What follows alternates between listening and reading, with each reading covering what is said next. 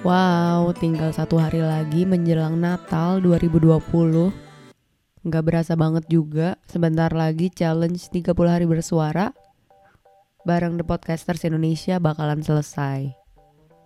Hari ini temanya cukup menarik, yaitu mantan. Dan gue bakal mengulang yang sering Gofar Hilman dari Sekut FM omongin bahwa mantan adalah sosok-sosok yang membentuk kita.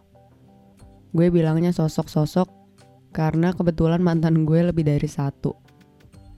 Gue lupa sih persisnya di hari keberapa, tapi di salah satu episode untuk 30 hari bersuara ada yang temanya bucin dan gue sedikit menyinggung juga soal mantan-mantan gue.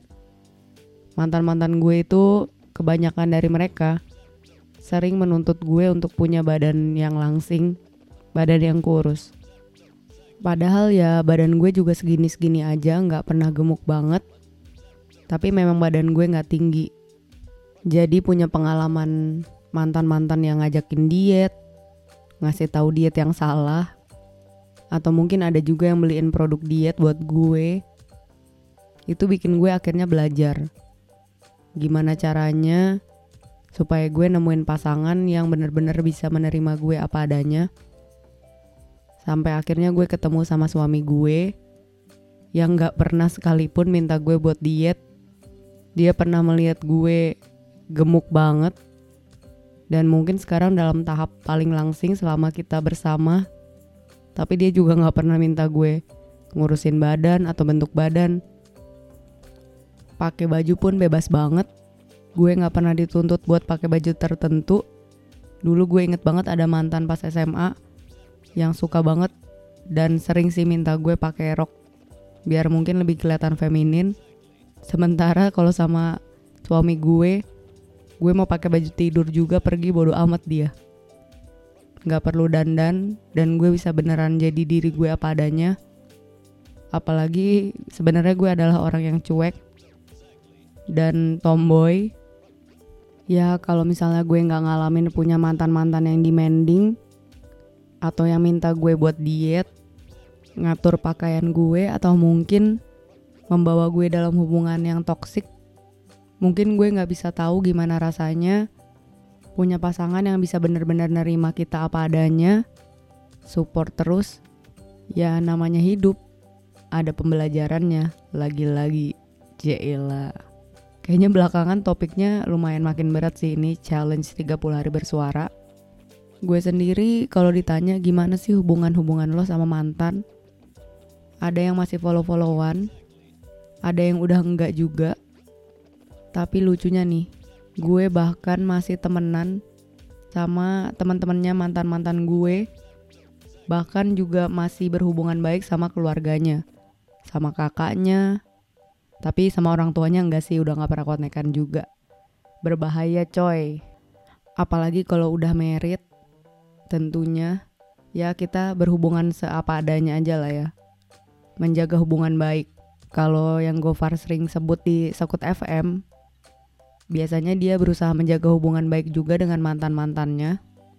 Tapi biasanya nggak kontekan lagi tuh gara-gara pasangan mantannya sih yang insecure atau gimana. Hehe, ya wajar sih, apalagi udah punya hidup masing-masing kan. Kalau udah merit, sebaiknya memang gak usah berhubungan sama mantan lagi.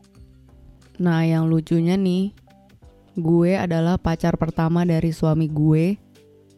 Terus kita merit, jadi suami gue juga gak punya mantan. Sementara gue punya beberapa mantan, dan dia tahu semua sih mantan-mantan gue, jadi ya terbuka aja dan gue juga selalu cerita gimana dulu mantan-mantan gue nuntut gue buat diet dan olahraga. Sementara suami gue nggak pernah nuntut kayak gitu.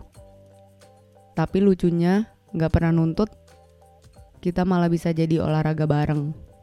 Itu menyenangkan banget sih. Kalau kalian gimana nih teman-teman diet? Apakah kalian masih berhubungan baik dengan mantan-mantan kalian? Terus kalian setuju nggak yang sering disebut sama Gofar kalau mantan-mantan kita turut membentuk pribadi kita yang sekarang. Gue sih setuju banget. Nah, mungkin terakhir nih sebelum gue menutup episode podcast kali ini yang membahas tentang mantan, gue mau berterima kasih dan meminta maaf kepada para mantan-mantan gue. Makasih buat semuanya, pembelajarannya baik dan buruk. Dan juga minta maaf untuk semua kesalahan gue baik yang disengaja maupun tidak disengaja. Ya namanya juga hubungan ya dulu masih bucin-bucinnya, bego-begonya. Pasti ada salah juga gue nggak munafik sih gue punya kesalahan-kesalahan juga tapi ya dari mantan-mantan itu hubungan-hubungan yang sudah lalu gue belajar banyak banget sampai akhirnya gue bisa memutuskan untuk settle dalam hubungan bersama suami gue sekarang. Kayaknya segitu aja untuk episode podcast kali ini. Sampai ketemu di episode podcast Cerpin berikutnya. Bye bye.